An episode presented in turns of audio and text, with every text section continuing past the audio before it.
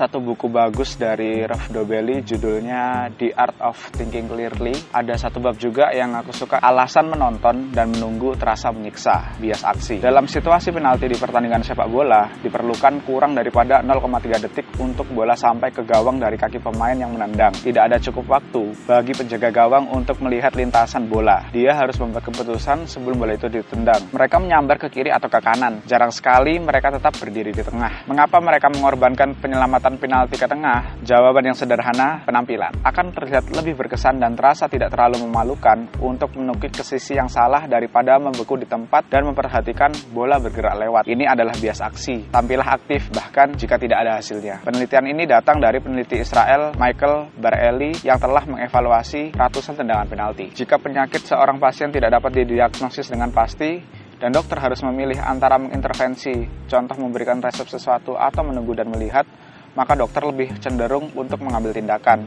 Keputusan seperti itu tidak ada hubungannya dengan mencari keuntungan, tapi lebih dengan kecenderungan manusia yang ingin melakukan apa pun kecuali duduk dan menunggu di depan ketidakpastian. Reaksi secepat kilat sangat penting untuk keselamatan. Terlalu lama berpikir dapat berakibat fatal. Sebagian masyarakat masih lebih memilih aksi cepat daripada strategi tunggu dan lihat dulu yang masuk akal. Kesimpulannya, dalam suasana yang baru atau mengguncang, kita merasa terpaksa untuk melakukan sesuatu, apa saja. Setelah itu, kita merasa lebih baik.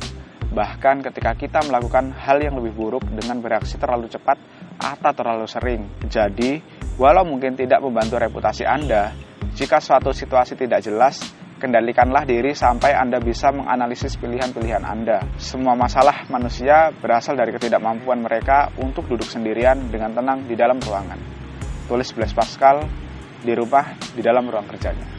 Terima kasih, sampai jumpa di Baca Buku setiap hari bareng aku Nice.